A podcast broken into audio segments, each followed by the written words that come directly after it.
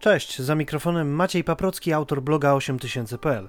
Bardzo dziękuję, że słuchasz tego podcastu. Będzie mi miło, jeśli w jakikolwiek sposób zareagujesz na post promujący ten odcinek.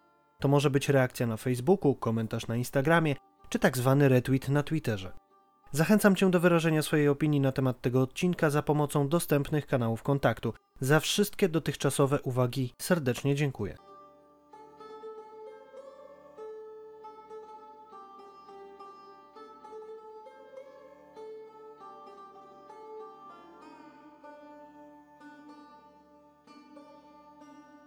Wiele polskich wypraw próbowało zdobyć K2, czy to latem, czy zimą. Niewiele z tych wypraw zakończyło się sukcesami. K2 to góra gór, bardzo wymagający szczyt, trudny do zdobycia. Niektórzy wspinacze bez zastanowienia odpowiadają, że jest to najtrudniejszy szczyt na Ziemi. Jako jedyny z ośmiotysięczników należących do korony Himalajów i Karakorum, stan na dziś, nie został zdobyty zimą. Zmienić ten stan rzeczy zamierzają, jak żeby inaczej, polscy Himalaiści, ale po kolei. Zacznijmy od tego, dlaczego w ogóle K2 jest tak trudnym szczytem, dlaczego na jej wierzchołku staje tak niewiele osób, dlaczego rozbudza wyobraźnię wielu wspinaczy i dlaczego wydarzyło się na niej tyle wypadków. Zdaję sobie sprawę z tego, że ile bym nie napisał, ile nie opowiedział o polskich wyprawach na drugi szczyt świata, to zawsze będzie za mało i nie wszystkich zadowolę. Próbuję jednak przybliżyć historię narodowych prób podboju K2, wypraw niełatwych, pełnych trudności, nawet wydawałoby się lżejszych letnich warunkach. Nie wszystkie polskie eskapady na górę kończyły się sukcesem, głównie ze względu na trudne warunki pogodowe lub y, trudności techniczne napotkane na obranych przez Himalajstów ambitnych drogach. Na początek trzeba być wobec siebie uczciwym i przyznać jedną rzecz – Wielokrotnie, kiedy myślałem o K2, do głowy przychodziło mi jedno nazwisko Wanda Rutkiewicz. Dlaczego? To postaram się wytłumaczyć w dalszej części podcastu. Pierwsza była Wanda, za nią cała banda.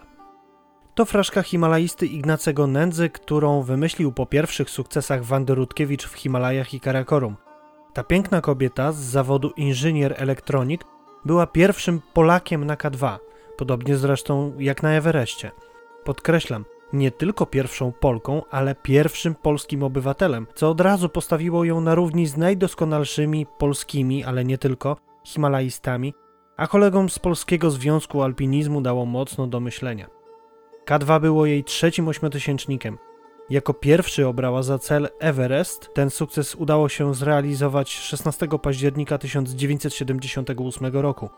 Natomiast drugim była Nanga Parbat, 15 lipca 1985 było to pierwsze wejście kobiece wraz z Anną Czerwińską i Krystyną Palmowską. Później przyszła pora na drugi szczyt świata leżący w Karakorum, o którym mówimy w dzisiejszym podcaście.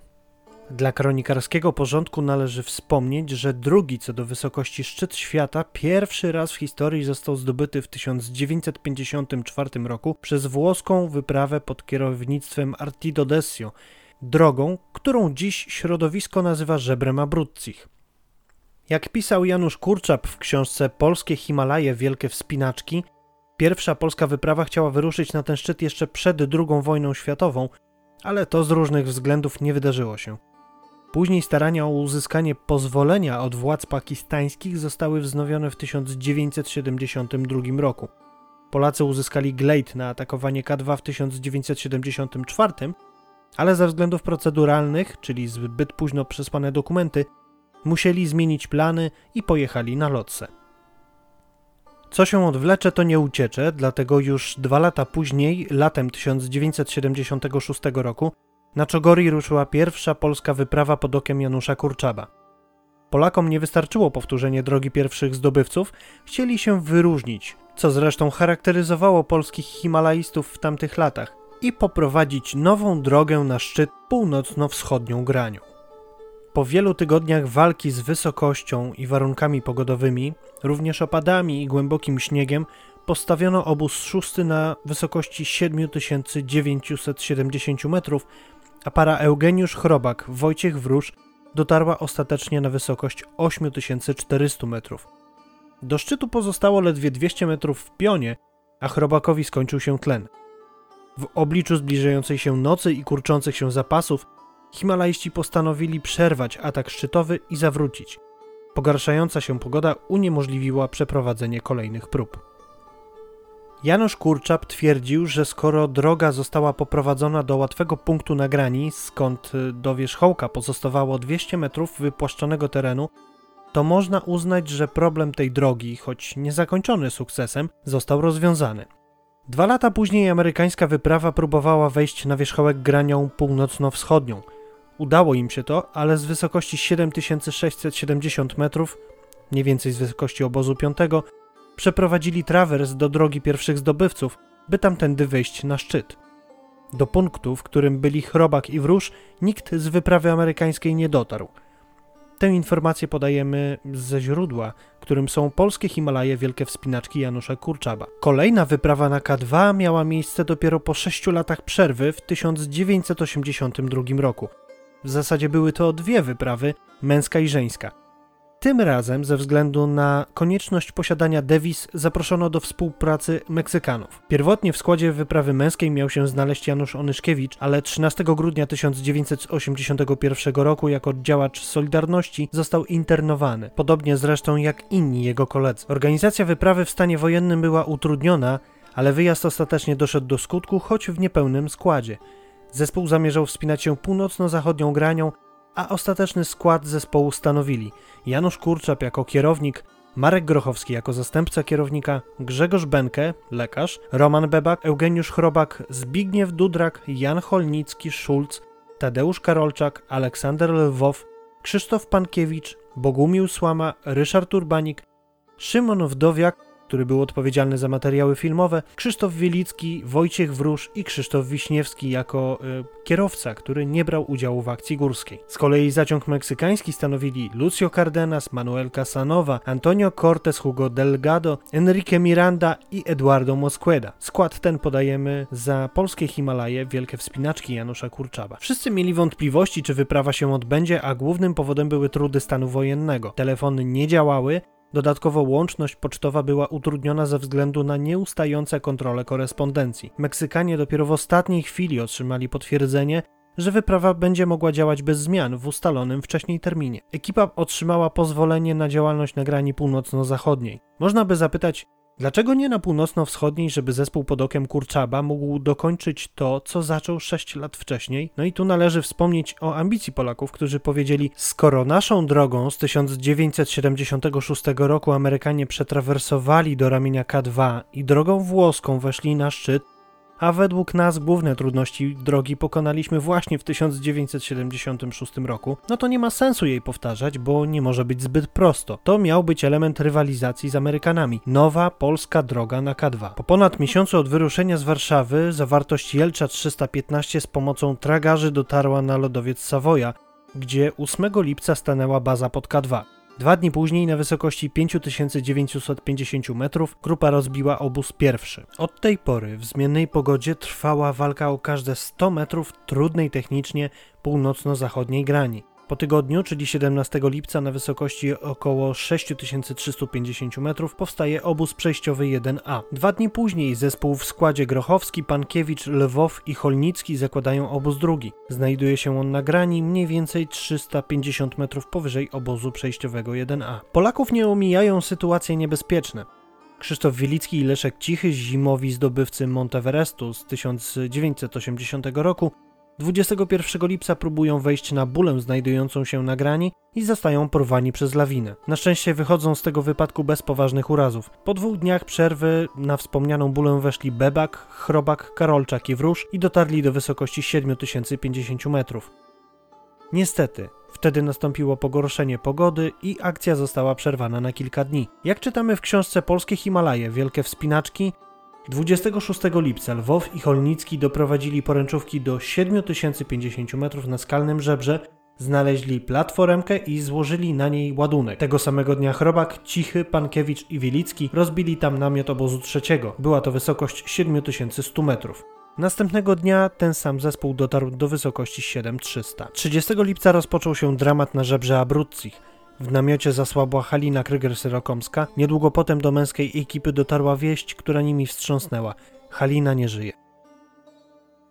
Z oczywistych względów akcja górska zostaje wstrzymana na kilka dni. Większość uczestników męskiej wyprawy transportuje ciało Haliny do niższych obozów, następnie do bazy głównej pod K2 i kolejnego dnia, 1 sierpnia 1982 roku, bierze udział w pogrzebie himalaistki. Trakcie kontynuowanej po kilku dniach przerwy akcji górskiej Polacy stawiają na północno-zachodniej flance K2 obóz czwarty na wysokości 7600. 5 sierpnia Aleksander Lwow ruszył po pozostawionych przez ekspedycję japońską poręczówkach, była to wysokość 7750 metrów, na lewo od filara Holnicki natomiast w tym czasie zajął się prawą stroną filara, obaj na koniec zeszli do obozu drugiego. To właśnie drogą obraną przez Holnickiego. Chrobak, Cichy, Pankiewicz i Wielicki ruszyli do obozu czwartego na wysokości 7950 metrów i zostawili tam depozyt. Krzysztof Wielicki według relacji Kurczaba dotarł na wysokość 8000 metrów. W czasie, gdy wspomniana czwórka schodziła do obozu drugiego, by odpoczywać, w górę z zamiarem ataku szczytowego ruszyła para wróż Karolczak, wspomagana trójką Bebak, Dudrak i Urbanik. Jednak po nagłym załamaniu pogody cofnęli się oni do obozu drugiego, a następnie do bazy. 13 sierpnia nasi wspinacze ponowili atak w składzie Karolczak, Wróż, Pankiewicz i Grochowski. Po dwóch dniach byli w obozie trzecim. W międzyczasie szczyt dwukrotnie zdobywali Japończycy i to po przejściu północnej ściany K2. Podczas tej wyprawy zginął jeden z japońskich wspinaczy. 16 sierpnia czwórka szturmowa dotarła do obozu czwartego, ale silny wiatr wywiał ich z powrotem do samej bazy. Akcja górska przeciągała się. Kolejny szturm miał być decydujący, został zaplanowany na 29 sierpnia.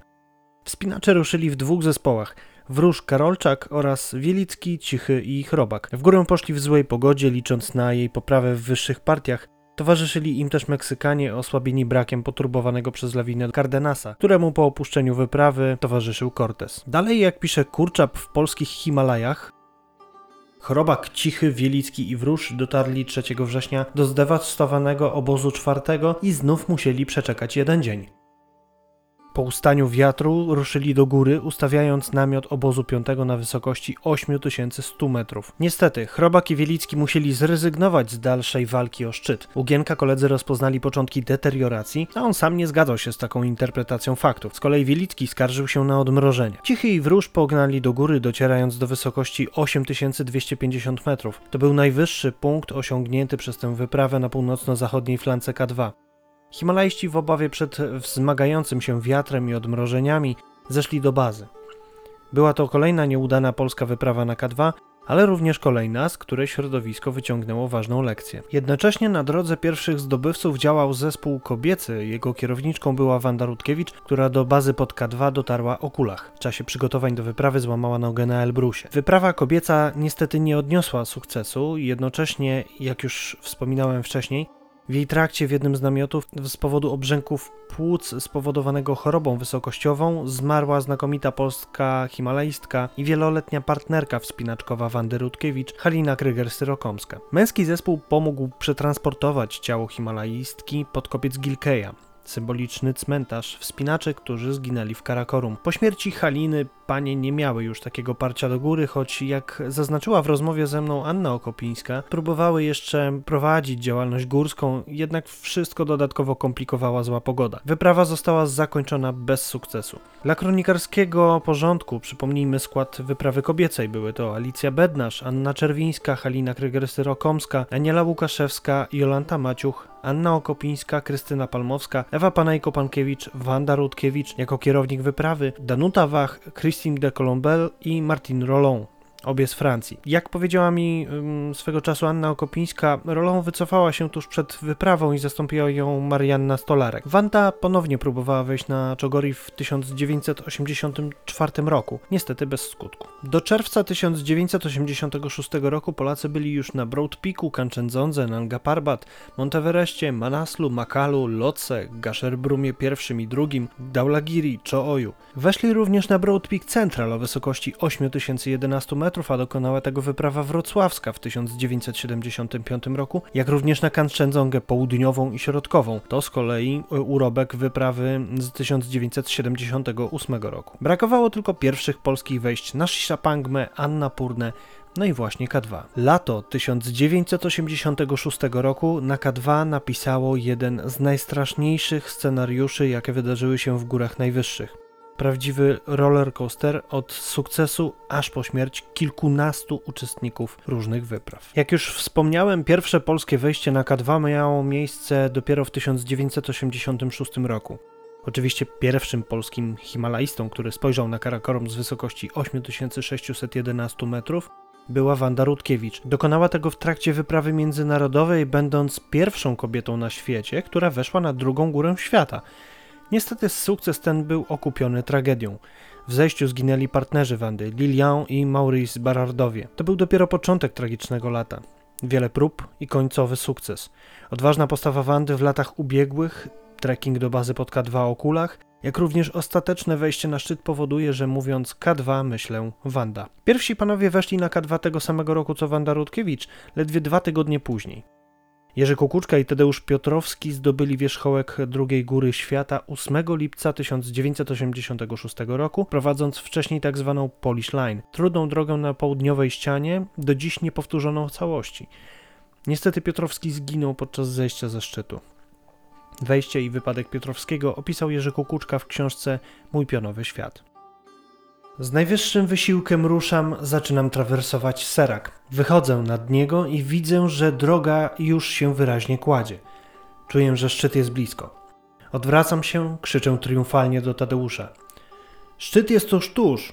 Nie czekam na odpowiedź, idę dalej, bo czuję, że to już tylko kwestia kilku, może kilkunastu metrów. Po chwili jestem na szczycie. Siadam. Siadam, by uspokoić skołatane wysiłkiem płuca, serce i mięśnie. Sięgam po aparat, robię zdjęcia. Dociera do mnie, że nie ma tu jeszcze Tadeusza. Robię kilka kroków do tyłu i widzę. Jest. Wymieniamy zdyszane od wysiłku gratulacje. To twój pierwszy, sapię poklepując go z uznaniem po plecach. A twój jedenasty, odpowiada głosem rwanym zmęczeniem i wielką satysfakcją bo Tadek nigdy jeszcze nie wspiął się tak wysoko, nigdy jeszcze nie postawił stopy na szczycie ośmiotysięcznika.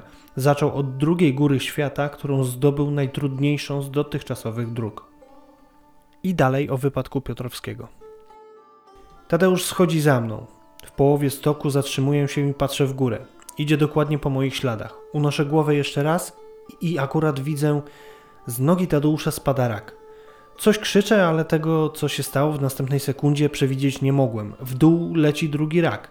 Tadeusz trzyma się już tylko czekana. Krzyczę: Uważaj! Ale jest za późno, żadna przestroga nie może już zmienić niczego. Tadeusz tylko przez moment jakby próbuje walczyć, ale jest przecież w sytuacji człowieka, któremu nagle wyrwano spod nóg darabinę. Próbuje jeszcze rozpaczliwie zacisnąć ręce na wbitym czekanie. Nie udaje się. Czekan zostaje. Tadek leci w dół. Jesteśmy dokładnie w jednej linii, krzyczy tylko: Jurek nie może zrobić nic. Czuję potężne uderzenie, Tadeusz dosłownie zjeżdża po mnie i leci dalej. Zanim oprzytomniałem i upewniłem się, że ciągle jeszcze stoję, upłynęły sekundy. Gdy odwracam się za siebie, dostrzegam tylko toczące się po stromizmie grudki śniegu i wyrytą w płytkim śniegu rynnę prowadzącą prosto w dół. Po jakichś stu metrach, w miejscu, w którym zbocze urywa się ścianą, ginie także bezpowrotnie ostatni ślad Tadeusza.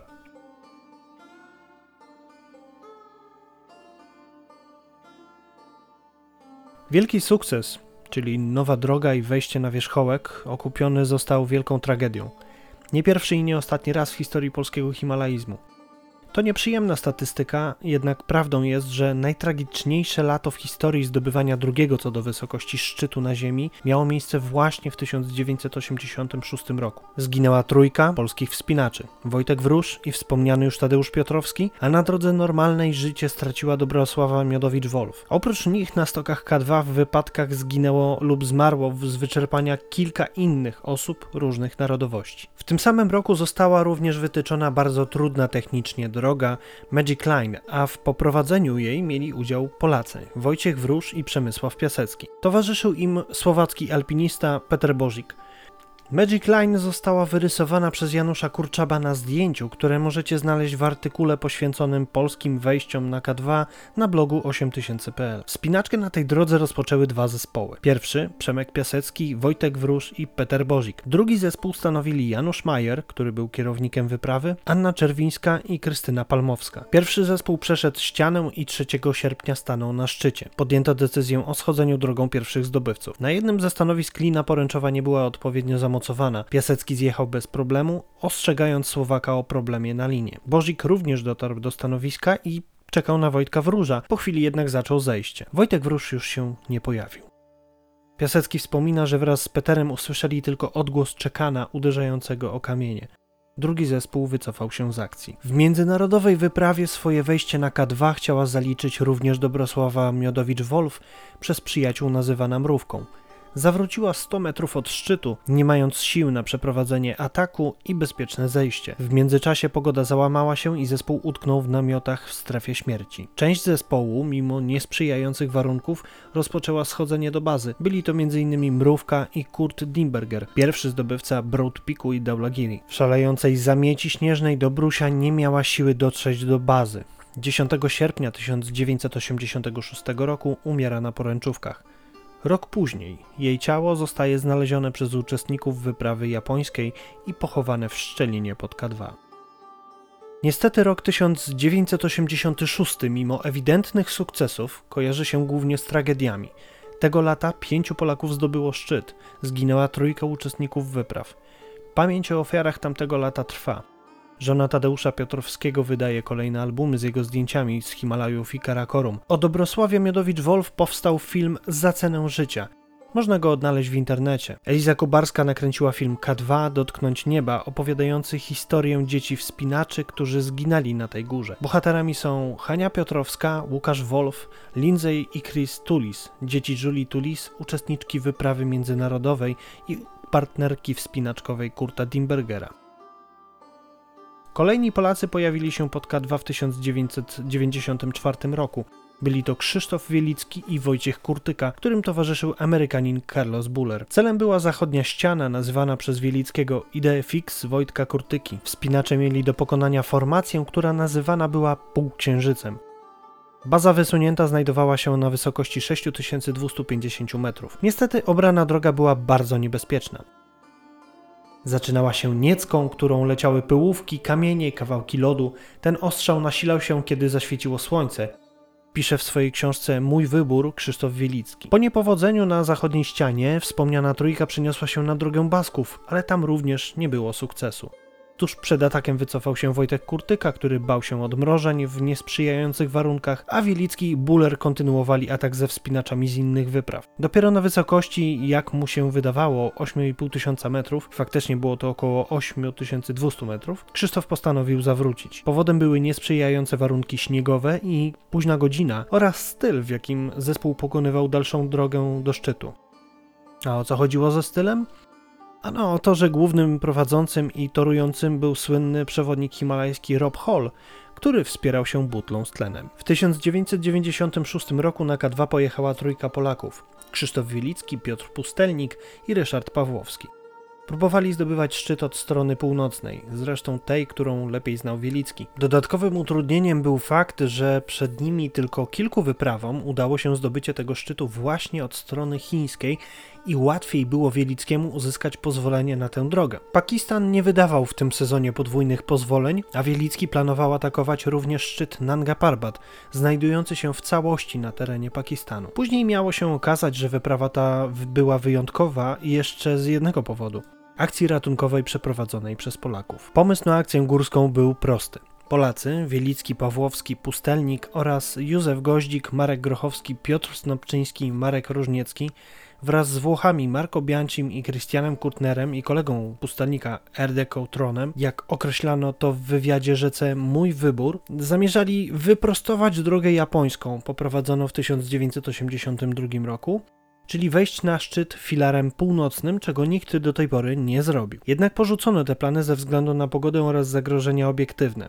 Stanęło na powtórzeniu drogi japońskiej z małymi wariacjami. Ostatecznie Krzysztof Wielicki wraz z Włochami stanęli na wierzchołku 10 sierpnia, a Pustelnik i Pawłowski zrezygnowali z ataku szczytowego, jak wynika z relacji Piotra ze względu na późną godzinę. Wspinaczka przebiegała powoli i w pewnym momencie zrobiło się dosyć późno. Trójka z Wielickim szła powoli, wybijali ślady, asekurowali się. Myślałem, że to pachnie biwakiem na ponad 8000 metrów. Popatrzyłem na Ryśka, Rysiek na mnie i postanowiliśmy zawrócić. Pisze w swojej książce Ja Pustelnik. Para Polaków zeszła do obozu trzeciego, robiąc miejsce w czwórce trzem Himalajstom wyczerpanym atakiem szczytowym. Jak się okazało, była to rozsądna decyzja. Marco Bianchi poczuł się bardzo źle, był wyczerpany. Piotr Pustelnik ruszył mu z pomocą. Umówiliśmy się z Ryśkiem, że ja schodzę w dół z Markiem, a on będzie na mnie czekał dwa dni. Jak się nie pojawię, to pójdzie z Rosjanami na wierzchołek czytamy u pustelnika. Piotr zdawał sobie sprawę z tego, że może to oznaczać utratę szans na szczyt, ale dla niego życie współtowarzysza było ważniejsze. Zarówno akcja ratunkowa Marko, jak i atak szczytowy w wykonaniu duetu Pawłowski i Pustelnik zakończyły się pełnym sukcesem. Dodatkowo Polacy zostali nagrodzeni przez górę znakomitą pogodą, jaką zastali na szczycie, pisze Pustelnik. Pogoda, dotąd nie najlepsza, poprawiała się. Dotarliśmy do miejsca, gdzie było już łatwiej i na 6 czy 7 godzin zapanowała absolutna lampa, było niemal bezwiecznie. Do tego stopnia, że jakieś 50 metrów pod wierzchołkiem zrobiłem herbatę. Część zostawiliśmy dla idących za nami Rosjan, którzy widząc maszynkę do gotowania i napar mieli oczy jak spotki. Piotr Pustelnik i Ryszard Pawłowski stanęli na szczycie K2 14 sierpnia 1996 roku, a nie w lipcu, jak można przeczytać w kilku innych artykułach, głównie w internecie, ale też niestety w książce Piotra Pustelnika. W 2011 roku na szczyt K2 wchodzi Himalajista i znakomity filmowiec Dariusz Załuski. Towarzyszy on wspinaczom z międzynarodowej wyprawy, którzy zdobyciem szczytu chcą zakończyć zdobywanie korony Himalajów i Karakorum. W trakcie wyprawy Dariusz kręci film Dwoje na K2 o Gerlinde Kaltenbrunner i jej ówczesnym mężu Ralfie Dujmowicie. Film, który później zyska uznanie w środowisku górskim i był wielokrotnie wyróżniany na kilku festiwalach filmów górskich. W 2012 roku drogą normalną na szczyt wchodzi młody polski himalajsta Adam Bielecki. W dniu zdobycia szczytu, czyli 31 lipca ma 29 lat i jest najmłodszym polskim zdobywcą drugiej góry świata. Wejście drogą normalną, jak sam przyznaje, nie było zbyt dużym wyzwaniem, a najbardziej wymagającym elementem wspinaczki było oczekiwanie na rozładowanie się korków na żebrze Abruzzi.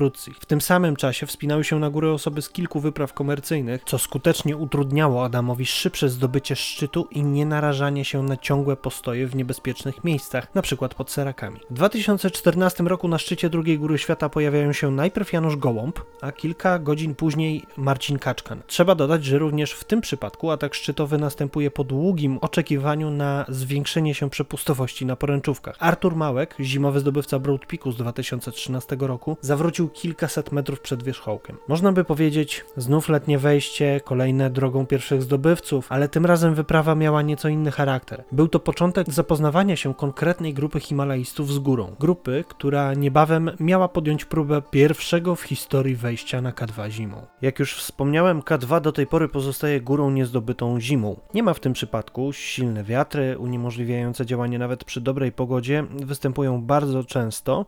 Okna pogodowe są zazwyczaj krótkie, do tego sama góra jest technicznie trudna, niezależnie od obranej drogi. Sam Krzysztof Wilicki w swojej książce twierdzi, że aby wejść na K2 zimą, nie wystarczy wspierać się butlą z tlenem, bo nie przyniesie to spodziewanego efektu. Góra ta, ze względu na zagrożenia obiektywne oraz warunki pogodowe, pozostaje najtrudniejszym ośmiotysięcznikiem do zdobycia. Zdecydowanie trudniejszą niż najwyższy na globie Monteverest. Na przełomie 1987 i 1988 roku Andrzej Zawada zorganizował pierwszą zimową wyprawę na Czogori w obliczu niezbyt dużych postępów w ścianie, załamującej się pogody, ciężkich warunków i zagrożeń na K2 po urobieniu ledwie 7300 metrów podjęto decyzję o odwrocie z góry. Żeby wyprawa nie została uznana za porażkę, w międzyczasie obrano nowy cel, leżący nieopodal Broad Peak. Wyzwania podjęli się Aleksander Lwow i Maciej Berbeka. W międzyczasie kierownik wyprawy Andrzej Zawada wziął na siebie załatwienie pozwolenia. Podczas ataku szczytowego w ciężkich warunkach Lwow wycofał się do namiotu obozu czwartego, natomiast jego towarzysz kontynuował wspinaczkę. Jak się później okazało, Berbeka nie zdobył wierzchołka Broad Peak, a przed wierzchołek Rocky Summit. Ekipa nie powiedziała mu prawdy, dowiedział się o tym z artykułów w Taterniczku. Autorem tekstu był jego wspinaczkowy partner, Aleksander Lwow. Zakopiańczyk obraził się na Lwowa, na kierownika wyprawy, na całą obecną wtedy w bazie ekipę i zrezygnował z wypraw narodowych pod okiem Andrzeja Zawady, ale to już zupełnie inna historia którą oczywiście można sobie przypomnieć czytając archiwalny numer Taterniczka z 1988 roku, a link do tego artykułu, do tego numeru Taterniczka znajdziecie na blogu 8000.pl we wpisie poświęconym K2. Kolejne wyzwanie zdobycia K2 zimą podjęła polska wyprawa pod kierownictwem Krzysztofa Wielickiego. Dlaczego to Wielicki był organizatorem i kierownikiem? Pierwotnie wyprawą miał kierować lider Andrzej Zawada. Niestety krótko po tym jak zdiagnozowano u niego raka trzustki zmarł. Był to rok 2000. Wielicki chciał kontynuować plany Zawady, w dodatku jak sam podkreślał, czuł się spadkobiercą i naturalnym następcą Andrzeja. W końcu był jedynym żyjącym Polakiem, który wszedł na trzy ośmiotysięczniki zimą. Były to Everest, Lotse i Kanchenjunga. O jeden więcej miał już nieżyjący wtedy Jerzy Kukuczka. Było to dla niego naturalne posunięcie. Wyprawa miała zdobywać szczyt od strony północnej, czyli od strony chińskiej.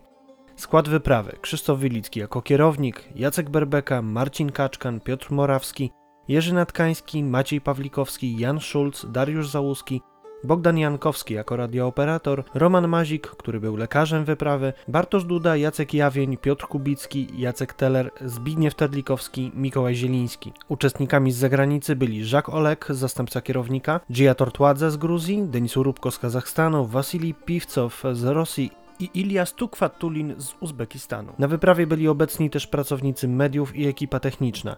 Monika Rogozińska, Robert Wichrowski, Bartosz Prokopowicz, Jeremiasz Prokopowicz, Krzysztof Rzepecki, Michał Zieliński i Anna Pochwalska. Część ekipy ze wschodu zarzucała kierownikowi wyprawy, że większość spośród osób przebywających w bazie stanowiły osoby, które się nie wspinają. To miało powodować, że wyprawa nie działała efektywnie. Sam Krzysztof Wielicki uważa dziś, że wschodnia część ekipy dopiero podczas akcji górskiej upewniła się, że nie ma dużych szans na e, osiągnięcie szczytu. Poza tym mieli zaplanowane już wyprawy w inne góry świata z większą szansą na sukces i zwyczajnie chcieli oszczędzać siłę oraz sprzęt.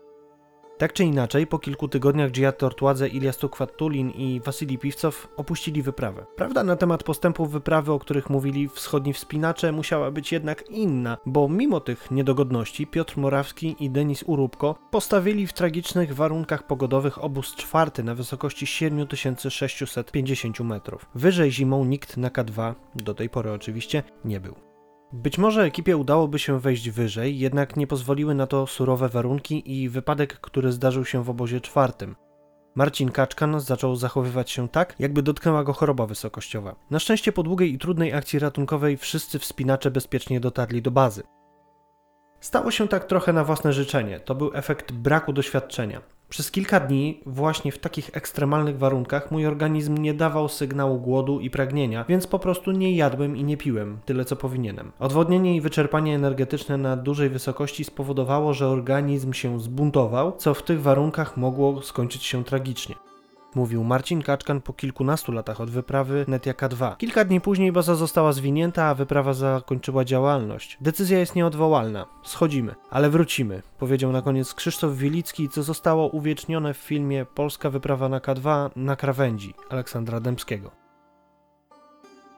Dla Krzysztofa Wielickiego było to pierwsze tak duże wyzwanie organizacyjne i logistyczne, któremu przewodził zimą.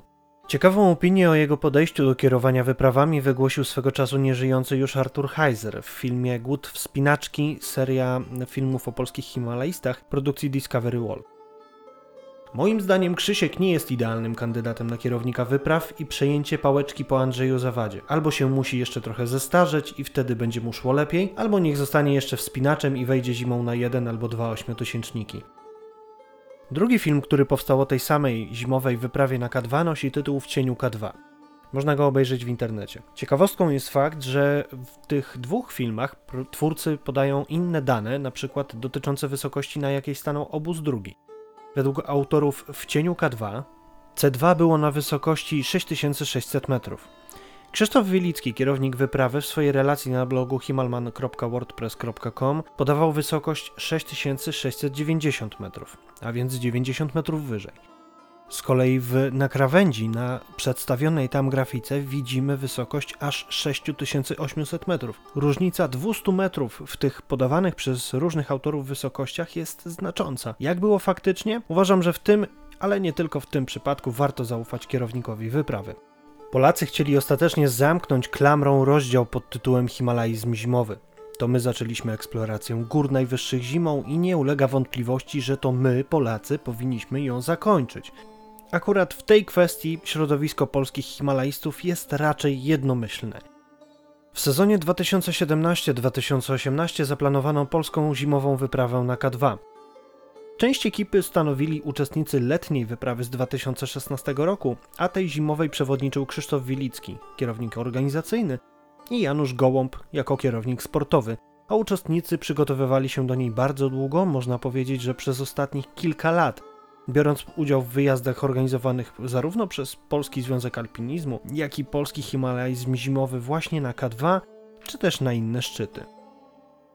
Niestety niepowodzeniem zakończyła się letnia wyprawa unifikacyjna z 2016 roku, której kierownikiem był Jerzy Natkański, a uczestnikami Jarosław Botor, Marek Chmielarski, Paweł Michalski i Piotr Tomala. Wyprawa ta miała za zadanie zapoznać uczestników z górą, spoić zespół i przygotować ich na pracę w ciężkich, wysokogórskich warunkach. Po tej wyprawie miała być również podjęta decyzja, którzy z jej uczestników będą brani pod uwagę do, przy kompletowaniu składu na zimową wyprawę. Zakończyła się ona dość szybko, bo 24 lipca, a bezpośrednim powodem takiej decyzji były warunki pogodowe i potężna lawina, która dzień wcześniej zdewastowała obóz trzeci, porywając ze sobą zapas butli tlenowych, lin, namiotów i wyżywienia należącego w większości do oblegających górę wypraw komercyjnych. Podczas tej nieudanej ekspedycji najwyżej spośród Polaków dotarł Paweł Michalski, który, jak sam relacjonował na Facebooku, dotarł do punktu, w którym jego wysokościomierz pokazywał 6950 metrów. Zdjęcie przedstawiające drogę pierwszych zdobywców i oznaczony punkt, do którego dotarł Paweł, znajdziecie na blogu 8000.pl.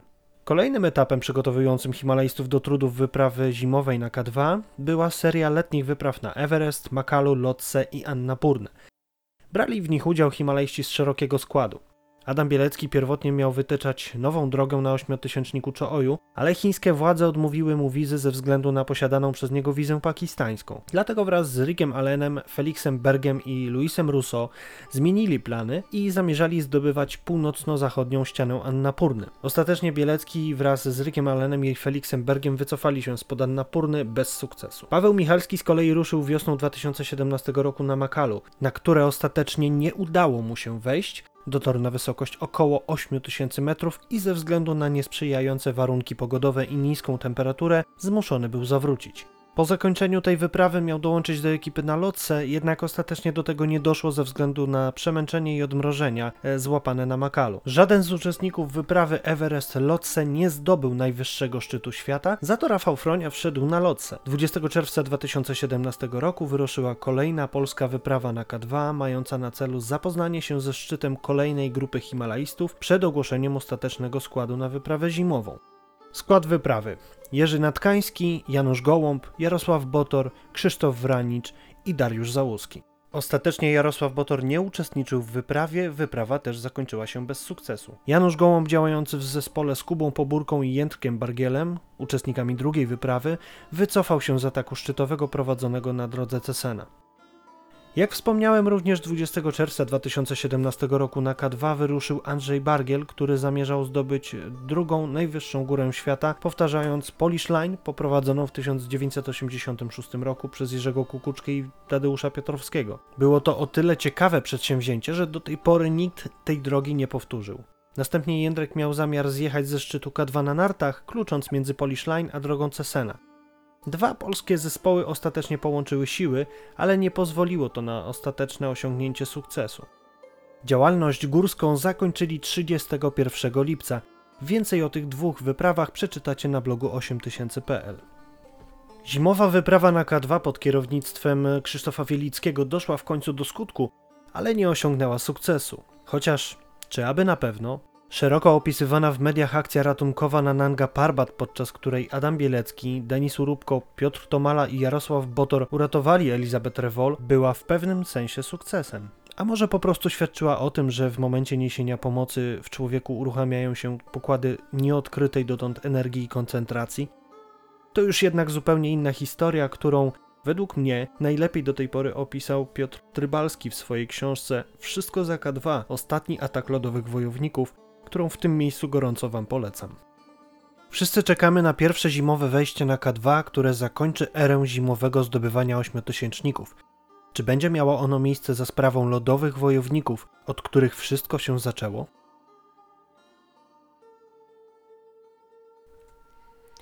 Jeśli spodobał Ci się dzisiejszy odcinek, wrzuć proszę kilka złotych do skarbonki, do której link znajdziesz w opisie. siepomaga.pl ukośnik Everest Kai. Przy wpłacie w rubryce słowa wsparcia, oprócz słów wsparcia dla małej Kai, wpisz proszę słowo podcast. Pieniądze zebrane w tej zbiórce zostaną w całości przekazane na leczenie mojej siostrzenicy. Za wszelkie wsparcie bardzo dziękuję i mam nadzieję, że usłyszymy się w kolejnych odcinkach.